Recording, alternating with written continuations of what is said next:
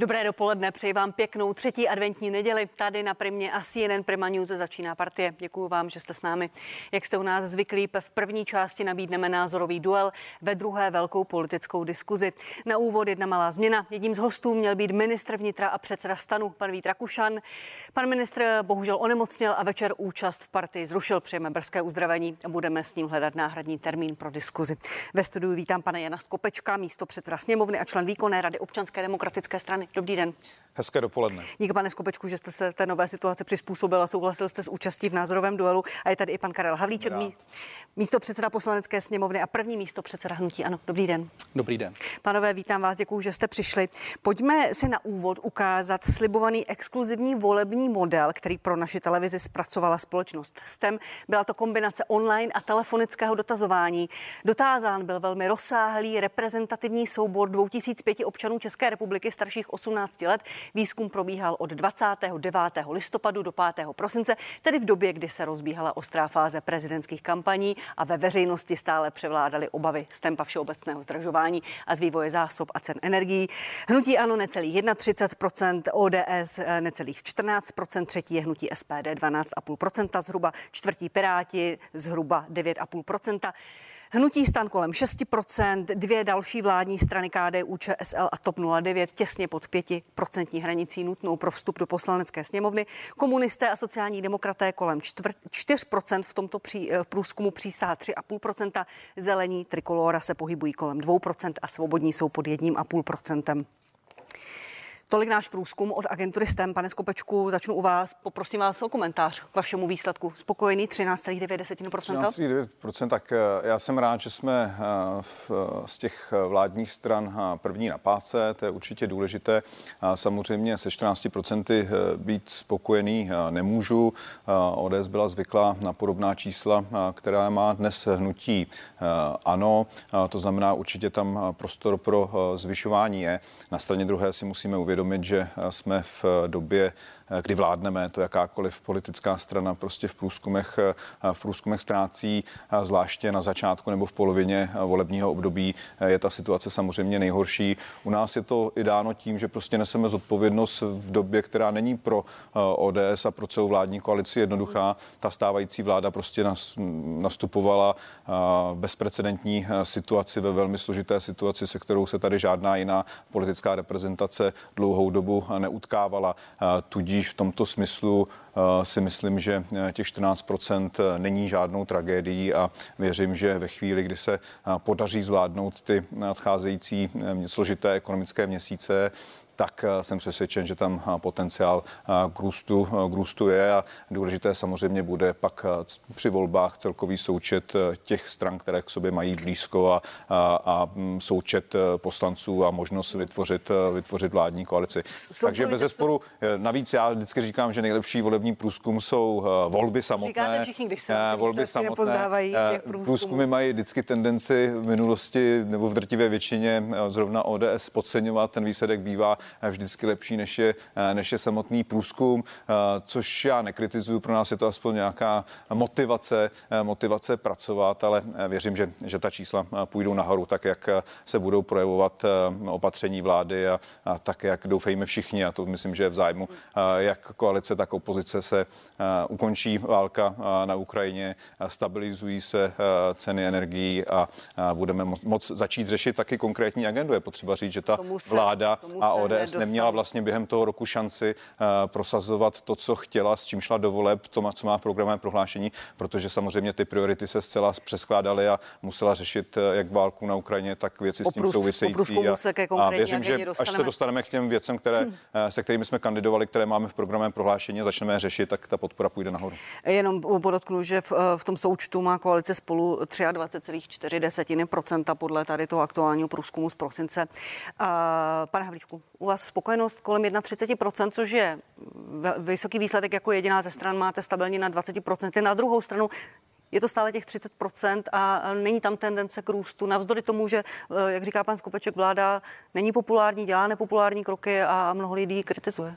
Eh, my jsme při zemi, samozřejmě těch 31% eh, bych lhal, kdyby říkal, že se nám nelíbí, tím spíše, že je to dlouhodobá pozice hnutí ano, dokonce od těch voleb posilujeme, takže jsem rád, že potvrzujeme, že jsme s velkým předstihem nejsilnější stranou v České republice už mnoho let, ale troufám si tvrdit, že lidé berou to a možná i oceňují, alespoň podle těch výsledků to tak vypadá, že jsme opozicí, která nejenom tvrdí to, co je blbě, ale současně i říká řešení a současně ukazuje lidi, kompetentní lidi, kteří by byli schopni za předpokladu, že by třeba byli u vlády, anebo že by byli v exekutivních pozicích to vyřešit. Funguje nám stínová vláda, tvrdě pracujeme, neustále Eh, komentujeme vše, nebojíme se eh, obhajovat naše eh, názory, chodíme do médií, nebojíme se toho. Takže doufám si tvrdit, že jsme aktivní opozicí a to se nepochybně v tom projeví. Navíc, co si myslím, že je důležité, nebojíme se lidí. Jezdíme do regionu. Já jsem společně s panem předsedou navštívil přes 300 míst od polovičky května. Setkáme se tam s obrovským množstvím lidí. Nebojíme se ani střetu, když tam přijdou naši eh, oponenti. Já myslím, že tohle všechno se vyhodnotilo nakonec a v těch eh, preferencích to je vidět. Děkuji vám, pánové. Jenom, jenom připomenu, že s dalšími politiky, s dalšími politickými stranami ten průzkum okomentu v druhé části partie. Pojďme na konkrétní agendu. Energetická krize. Stropy na energie česká vláda stanovila limity od 1. ledna na 6 tisících za elektřinu, 3 tisících za plyn. Slovenská vláda chce strop na elektřinu výrazně nižší 1500 korun za jednu megawatt hodinu elektřiny. Eh, lidé se ptají na jednu jedinou jednoduchou otázku, pane Skopečku, proč mají u sousedů ten strop výrazně nižší a budou Slováci platit výrazně méně myslím, za elektrickou energii. Že to Slováci ještě nemají, uh, nemají uh, v, Tak to deklaroval pan premiér, pan ministr nema, Nemají financí. ve finále schválené.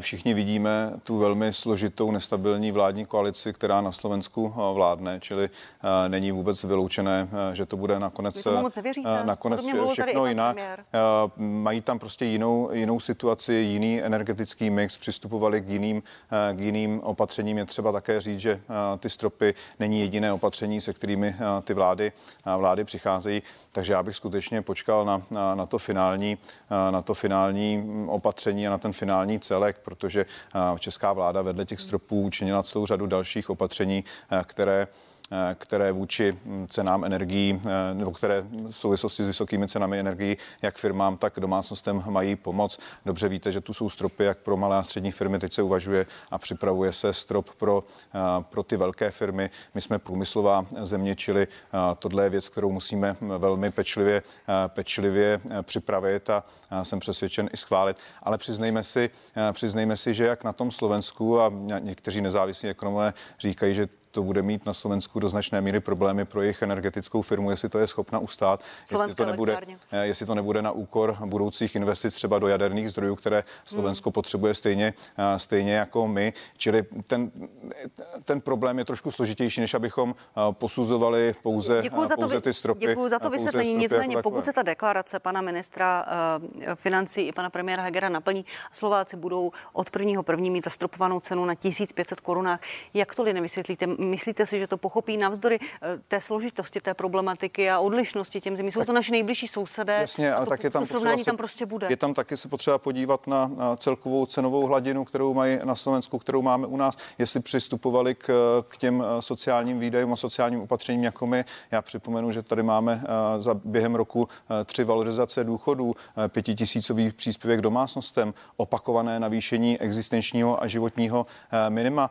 Tudíž ta pomoc vlády je poměrně masivní a podle mýho názoru jsme také v nějakém situaci z hlediska eh, veřejných rozpočtů, které jsme v nějakém stavu eh, hmm. zdědili a ten prostor pro, eh, pro výdaje, protože i to zastropování samozřejmě na tom Slovensku budou muset, pokud opravdu nechtějí vyhladovět ty energetické firmy a připravit je o jakékoliv budoucí investice, které se snad všichni zhodneme, že vzhledem k tomu, co se děje v Rusku, potřebujeme investovat v energetickém sektoru, abychom vůbec nějakou energii měli. Takže ono, je hroz, ono by bylo fajn a asi bychom to dokázali udělat, eh, udělat eh, stropy v České republice ještě výhodnější, ještě, eh, ještě nižší než, než na Slovensku. Ale co by to znamenalo? Znamenalo by to destrukci veřejných financí, znamenalo by to, že by energetické firmy neměly prostředky na to, abychom stavěli jak nové zdroje energie, které potřebujeme, tak infrastrukturu.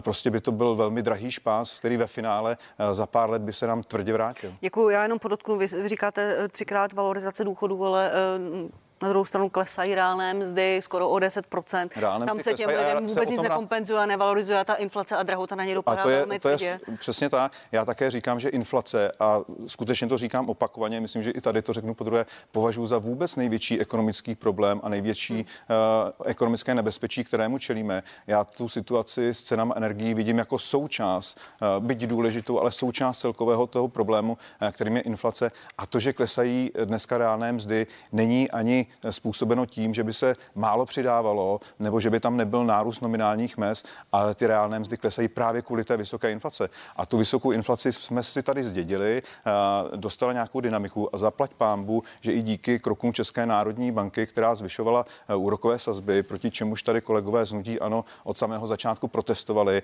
Českou národní banku kritizovali, tak zaplať pámbu, že Česká národní banka kolegy z Nutí ano nepo, neposlechla, úrokové sazby zvýšila a nám se nyní daří tu inflaci brzdit. Podívejme se na Slovensko, podívejme se na Maďarsko, kde přijali mnohem víc státních zásahů do té ekonomiky právě s argumentem, že to pomůže Děkuji. lidem, jako je třeba nulová tomu se, DPH na tomu, potraviny, tomu se, jako jsou cenové stropy a cenové regulace. A ukazuje se, že to nefunguje. A ty, pro ty lidi to znamená ještě větší sociální a ekonomické důsledky než eh, opatření české vlády, které možná nejsou na první pohled tak výhodné, ale ve finále vedou k lepším výsledkům. Děkuji. Pane, pane místo předsedo Havlíčku, vy eh, teď Slovenskem, nejenom vy, eh, ve vašem hnutí často argumentujete.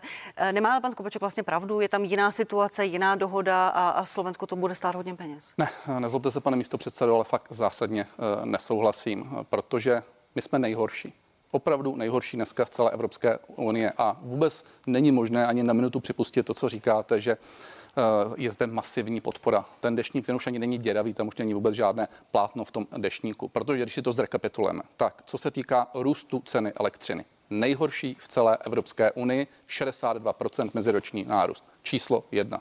Co se týká ceny elektřiny v přepočtu na kupní sílu nejhorší v celé Evropské unii. Je to eh, několik dnů starý údaj. Co se týká ceny plynu, jsme druzí nejhorší v celé Evropské unii. A to podotýkám, že co se týká elektřiny, tak ji vyrábíme díky zodpovědnosti minulých generací, vyrábíme levně, exportujeme ji a ty země, kam ji dovážíme mimo jiné, dokáží nastavit lepší parametry té, jak říkáte vy, české masivní eh, podpory. Protože ono to zdaleka není jenom Slovensko. 1500 korun, jenom zopakuju Česká republika 6000 korun. Eh, Polsko 3600 korun. Eh, v přepočtu to říkám vždycky plus minus je to eh, na kurzy. V Rakousku 2400 korun. Kdo je naším dalším sousedem? Německo. Tady, ať jsme objektivní, tam je to 9700 korun, ale, ale na velké firmy 3200 korun. Toto není možné prostě nějak okecat. A ano, vy máte pravdu, že inflace je jeden z největších problémů, možná úplně ten největší problém, na tom se určitě shodneme. Mm. Proč je ta inflace vysoká? Právě protože jsou extrémně vysoké ceny energií. A ty ceny energií, když se podíváme, jak se spolu podílí eh, na, na inflaci. A ty vysoké ceny energií vstupují firmám do jejich výrobkových kalkulací, díky čemu samozřejmě zdražují všechny výrobky a roztáčí se nám tady neuvěřitelná míra inflace. A vy říkáte, že jste zdědili, pane místo předsedo, vysokou mm. inflaci. Tak v prosinci byla inflace České republice na průměru, myslím tím za prosinec, Evropské unie. Vaše vláda to řídí tak, že v těch několika následujících měsících jsme se stali šampionem a máme mezi 50 až 80% nárůst inflace v růstu inflace v Evropské unii. To není pravda, pane kolego. Mezi 50 a 80 procenty navíc vůči tak pojďme, od, pojďme, pojď, pojď, pojďte nemluvit přes sebe, prosím, pojďte reagovat, pane pojďme, Tady jsme slyšeli dojmy, pojďme se podívat na data. To jsou fakta. Tak ne, ne, ne, pane kolego. Tak eh, já jsem se včera otevřel eh, statistiku Eurostatu, uh, harmonizovaný index spotřebitelských cen, můžete se na to podívat taky. Uh, za poslední tři měsíce je tam, uh, je tam říjen, září, pros, srpen, tak nárůst, nárůst Eh, inflace energetická v Evropské unii, průměr eh, srpen eh, Evropská unie 37,5%, Česká republika 36,8%. Září 39,4% Evropská unie, Česká republika 41,3%, tam jsme o něco, o nějaký procentní bod výš. Říjen Evropská unie 38,7%, Česká republika 14,2%, výrazně níž meziroční, meziroční srovnání. Takže prosím, nedělejte tady z lidí strašáky. Není to vůbec tak, že by u nás v těch posledních měsících rostla klesla inflace nějak dramaticky, myslím tím energie, ceny energií dramaticky víc než Evropská unie. Jsme, jsme v průměru té Evropské unie v tom posledním měsíci dokonce hluboce pod průměrem. To znamená, že v, když je to průměr, tak to bude asi znamenat, že v Evropské unii byly určitě země, kde ten nárůst z cen energií byl vyšší, byly tam pravděpodobně i země, které, kde ten nárůst byl nižší. Ale není to v tomto smyslu žádná tragédie. Ten celkový roční, roční trend růst byl způsoben mimo jiné i tím, co prostě v zahraničí neměli, a to byl pád Bohemia Energy. Energy víme, že tam prostě spousta lidí spadla do, do stavu, kdy prostě musela akceptovat spotové ceny energií, které byly v tu chvíli, v tu chvíli vysoké. To se můžeme ptát, za, co jste dělali za vaší vlády s energetickým sektorem, aby takové pády firm tady nebyly, protože to bylo na začátku mandátu, mandátu vlády. To byly určitě data, která se do toho, do toho vepsala. To jde, pane kolego, za vámi a přímo za vámi jako za ministrem průmyslu a obchodu, co se týče energetiky v minulosti. A když se podíváme na ta čísla nyní, tak nemám z nich radost. Považuji to za problém, zvlášť pro Českou republiku, ale prosím, nedělejte tady z České republiky nějakou výjimku. Podívejte se, než tady začnete strašit na ta data, která jsou srovnatelná, která jsou otevřená, veřejná Děkuji, a, a nejsou to dojmy. Pojďte rovnou reagovat, to nejsou, to nejsou pane ministře, na tu kritiku, uh-huh. že vy jste zodpovědný osobně politicky uh-huh. za pád Bohemia Energy, která uvedla spoustu těch zákazníků do toho režimu poslední instance, kde měli velmi vysoké ceny energii. Pojďte se k tomu vyjádřit. No, to je přece úplný nesmysl, pane kolego, když sám jste ekonom a velmi dobře víte, že eh, to takto eh, nebylo. Pád Bohemia Energy, to nebyl zdaleka jen Bohemia Energy. Takhle padaly stovky firm alternativních dodavatelů napříč Evropskou unii. A víte proč? Protože se před 15 lety uh, uvolnila stavědla pro alternativní dodavatele, proto aby tlačili ceny dolů a záměrně, naprosto cíleně na bázi Evropské unie se neumožnilo regulátorům národním regulovat například jako ve finančním sektoru. To znamená, neměli jinou možnost, než to nechat být. A proč se tedy nechali vystoupat tito velcí hráči? To nebylo za nás. Ty zde fungovali 10, 12, 15 let. Tak to je jedna věc. Druhá věc, co se týká těch čísel, srovnávat Evropskou unii a Českou republiku ve smyslu inflace. Teď Evropská unie, když měla 10% inflaci, my jsme měli 18% eh, inflaci, o 80% víc. A ano, teď máte pravdu. V říjnu to kleslo na 15, tuším, celých 5%. A víte, proč to kleslo, pane místo předsedo? Velmi dobře to víte. Protože se konečně spustila první energetická opatření. To znamená to, k čemu jsme vládu, no, k čemu jsme ji nabádali. Po celý rok, ať se odpustí platby za obnovitelné zdroje, snad stokrát jsem to říkal. Za B, eh, aby se spustily ať už různé ty uh, podpory typu energetického tarifu nebo zastropování a tak dále. Tak poprvé v říjnu to ta vláda na náš obrovský tlak udělala a okamžitě to mělo protiinflační charakter. Celou dobu jsme říkali, že když sáhnete na ceny energií, jako to udělali třeba ve Francii, kde se skutečně snažili ty ceny energií řídit. Já neříkám, že ta regulace je něco, z čeho bych jásal. Na tom se asi shodneme. Ale jestliže selže trh, tak se musí regulovat.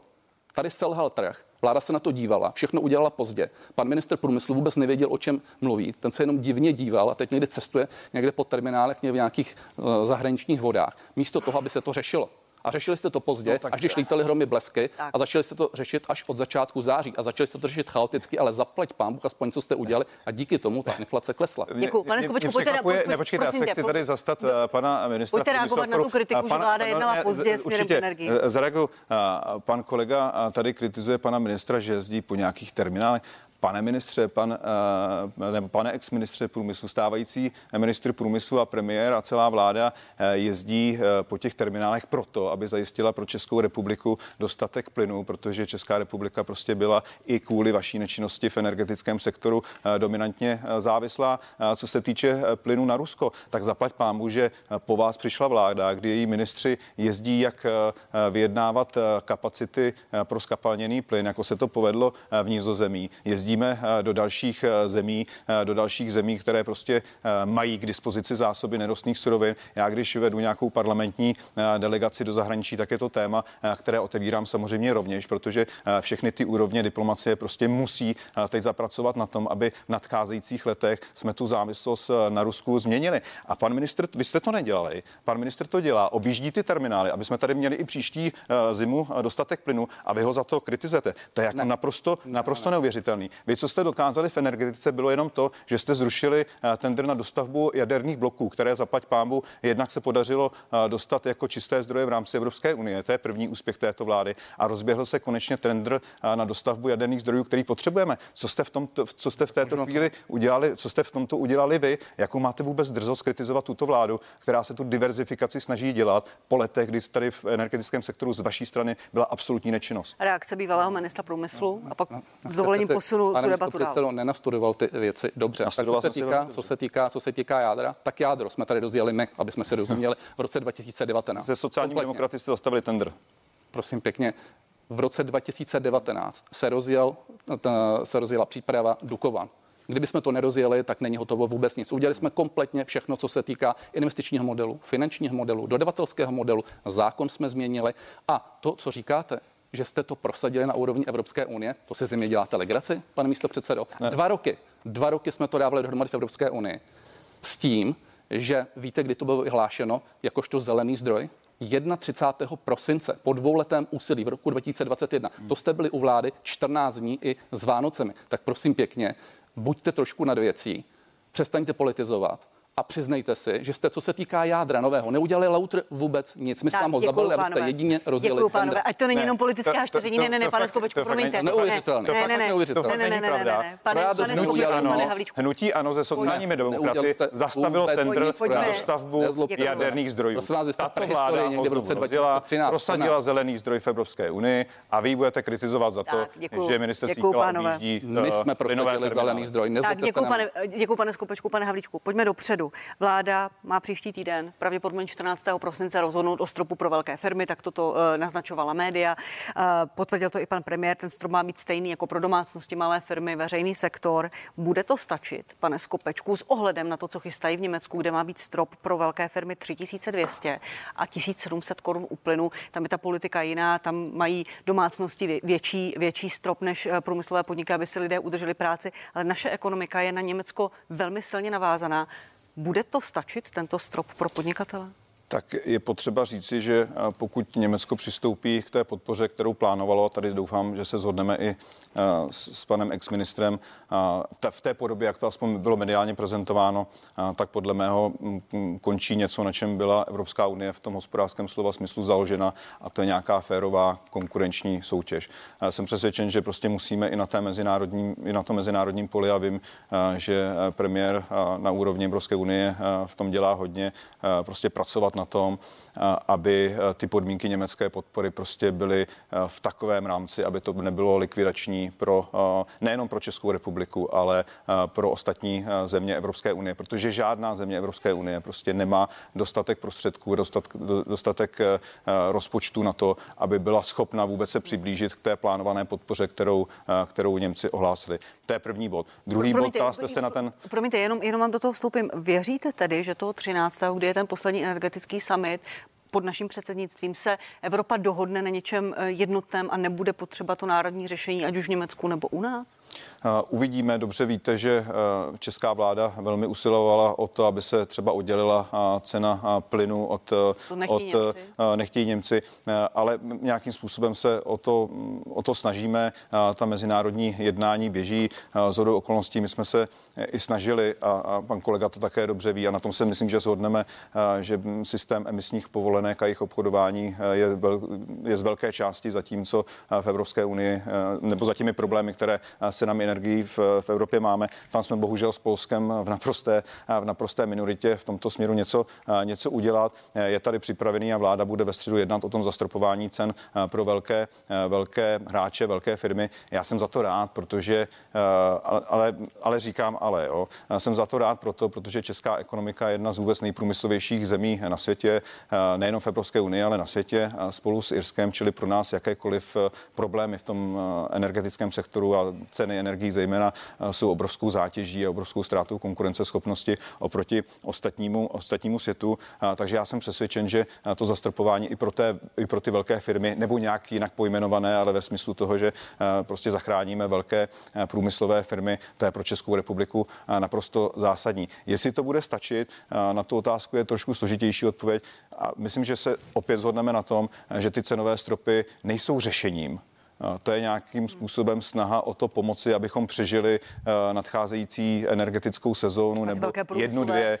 Průmysloví hráči na to volali, že to potřebují. Jasně, abychom přežili nějakou aktuální krizi, tak takový to tvrdý a velmi drahý zásah můžeme použít. Ale my si jim pouze kupujeme čas. My neřešíme ty příčiny těch vysokých cen, které bohužel v Evropě máme.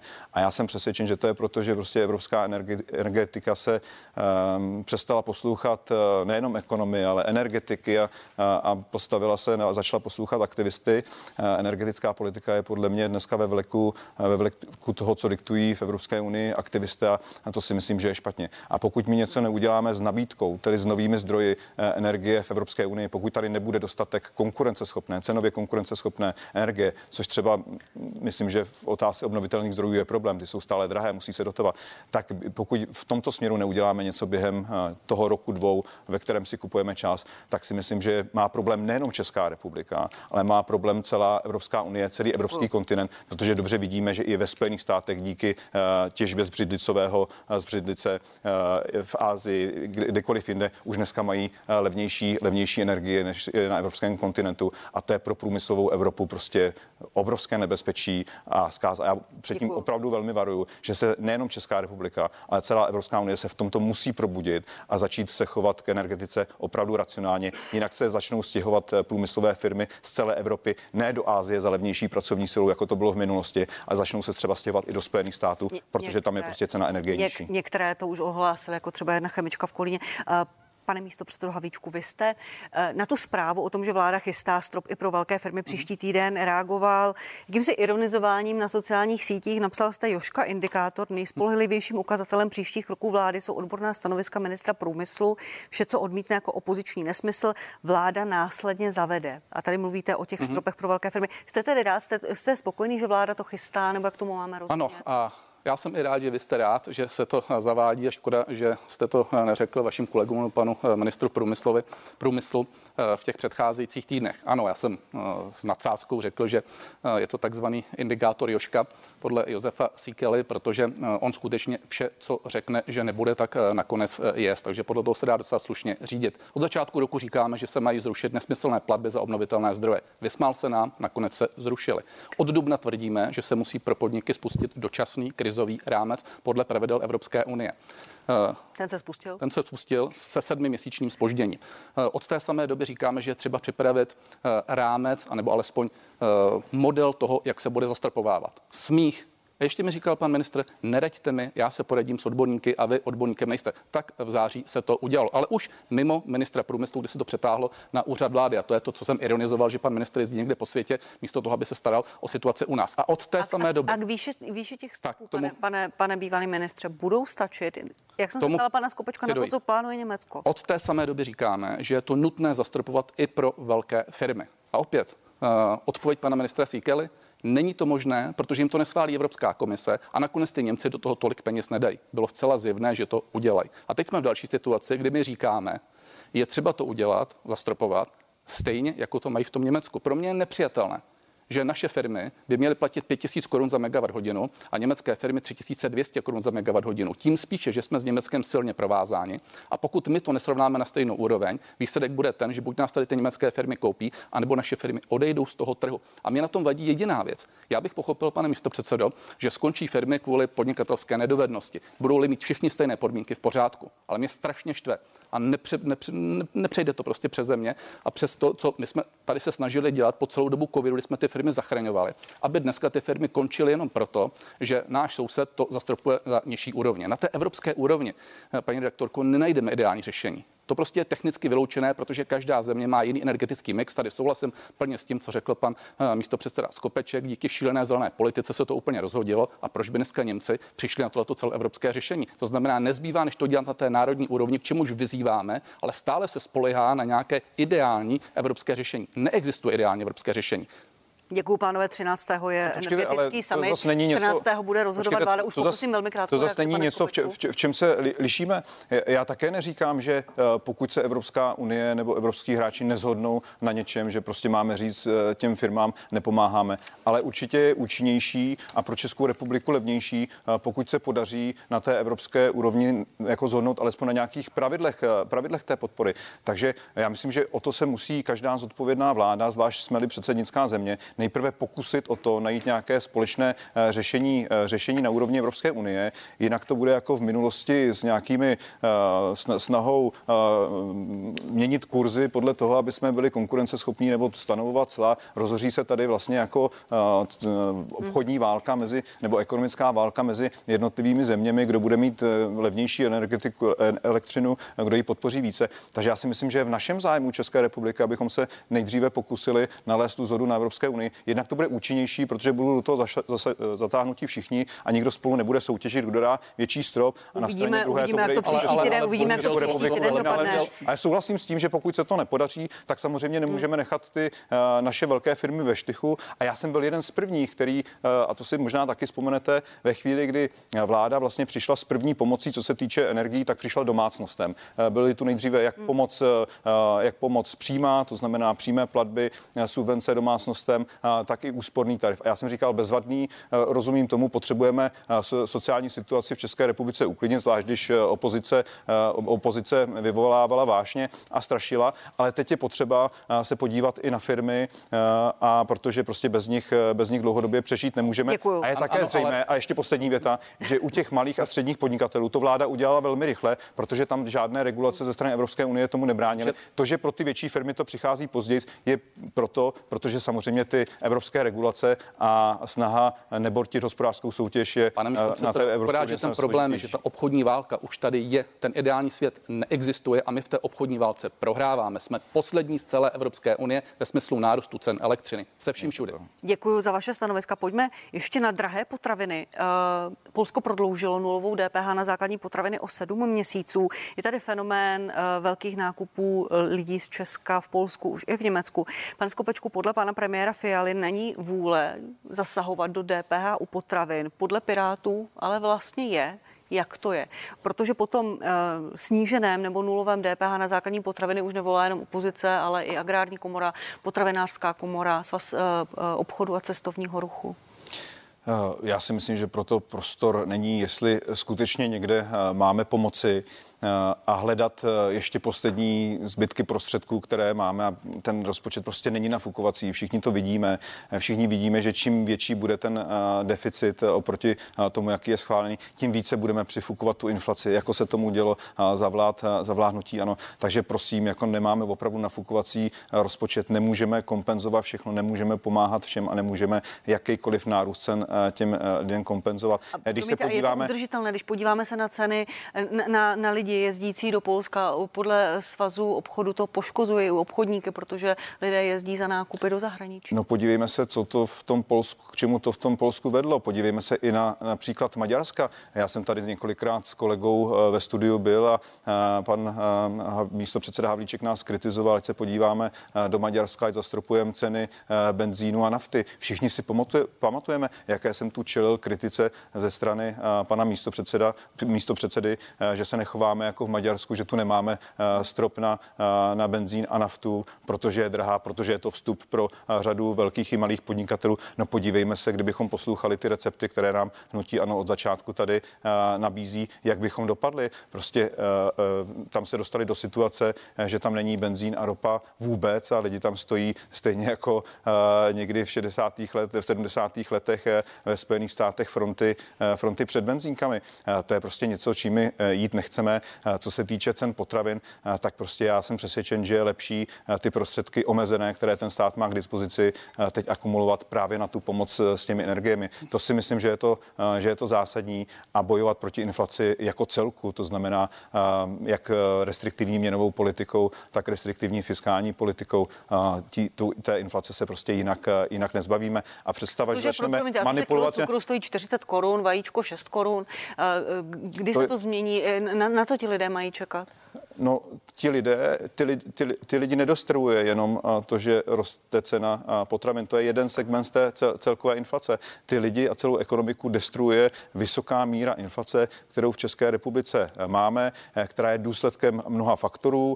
Podle mě eh, přebytečného utrácení státu v minulosti, velmi nízkých úrokových sazeb ze strany České národní banky. Do toho se přidávají nějaké nákladové šoky a, a, roz, rozbořené odběratelsko-dodavatelské řetězce. To všechno té inflaci přispívá. Ale představa, že tu inflaci uh, nějakým způsobem spravíme, nebo že s ní budeme bojovat cenovými stropy, ať už v jakémkoliv segmentu, energií, uh, benzínu, potravin, tak to je představa prostě naivní a vždycky, když ta opatření skončí, tak ta inflace v takových zemích vyskočí ještě výš. Tak. Čili ty lidi by to stejně dohnalo ještě možná ve větší míře v budoucnu. A když se podíváme na srovnání uh, míry inflace, tak i přesto, že to Polsko zavedlo nulovou, nulovou sazbu DPH na potraviny, tak už vidíme, že nás té inflaci předbíhá, tak. čili těm lidem to nijak nepomáhá. Možná můžou politici občanům říkat, jak jim pomáhají, že snížili DPH na nulu, ale ve finále ta inflace uh, těm lidem ty peníze stejně z té kapsy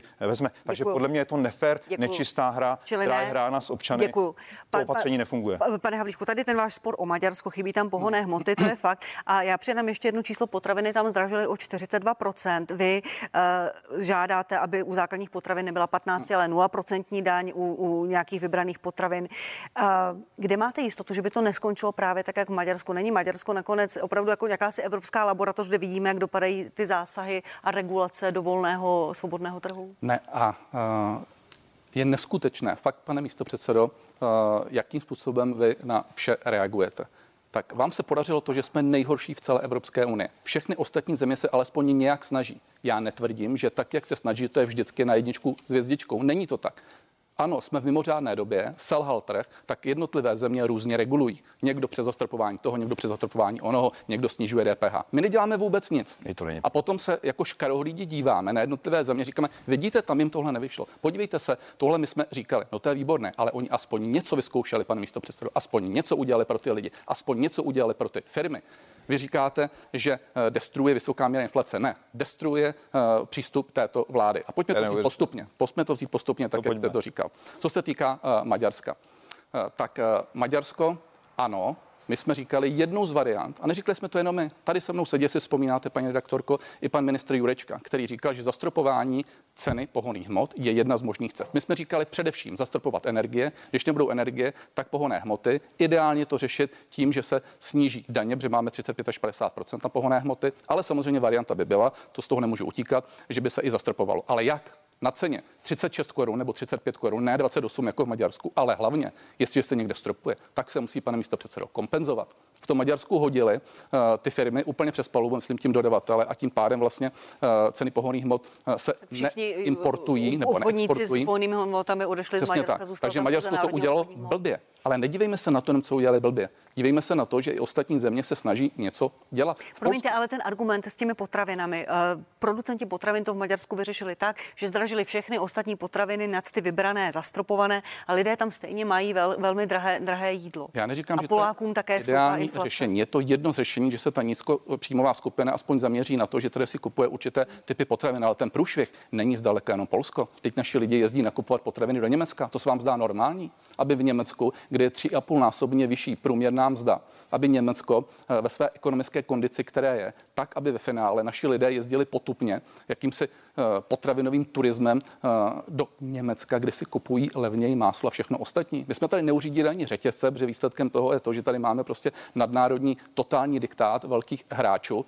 Drbe to prostě naše zemědělce, naše výrobce potravin a výsledkem toho je to, že naši lidé jezdí no, tak za potraviny pro Promiňte, potraviny posle, do jiných Poslední reakce, pane já bych rád... odpověď na to, jestli ne, já, já fakt na tohle musím zareagovat, protože tady zazněla spousta, fakt spousta lží, já už se to nebojím, a manipulací, ale opravdu lží. Uh, jako věta, že vláda neudělala nic, tak já už si připadám, já už si připadám jak blázen a budu znovu tedy opakovat, byť to ne, nedělám pro diváky rád, protože už jsem to říkal. Zvýšení příplatku na bydlení, zvýšení existenčního životního minima, tři valorizace důchodů uh, během roku, snížení DPH uh, na benzín a naftu, pětitisícový příspěvek pro rodiny s dětmi pane kolego, tak buď se budeme bavit vážně a budeme se bavit o těch jednotlivých opatření a vy budete říkat, tohle opatření bychom udělali jinak, tohle opatření bychom udělali líp a já jsem schopen takovou tu debatu vést. Ale čelit tady opravdu této lži, kdy evidentně lžete, protože ta vláda přijala celou řadu opatření, klidně se bavme o tom, jestli jsou ideální nebo ne, ale nejsem ochoten tady slyšet, že ta vláda nedělá nic. Prostě lžete, není to pravda. Možná se snažíte zakrýt to, jak jste nebyli schopni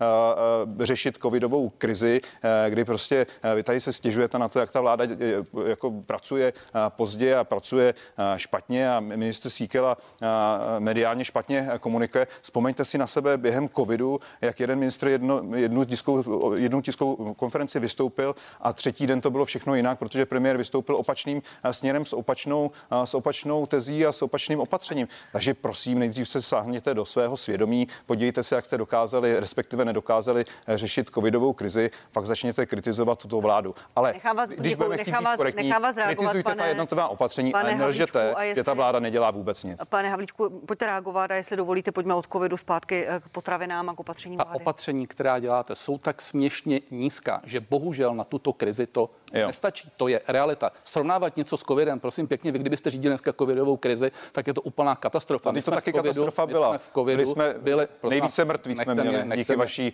zvládání, mě, díky pan, vašemu zvládání krize. Uh, nejvíce mrtvých? A kolik jste jich měli vy uh, za tento rok? Víte to číslo, pane místo předsedo? Víte, kolik je mrtvých za ten rok? 7 tisíc.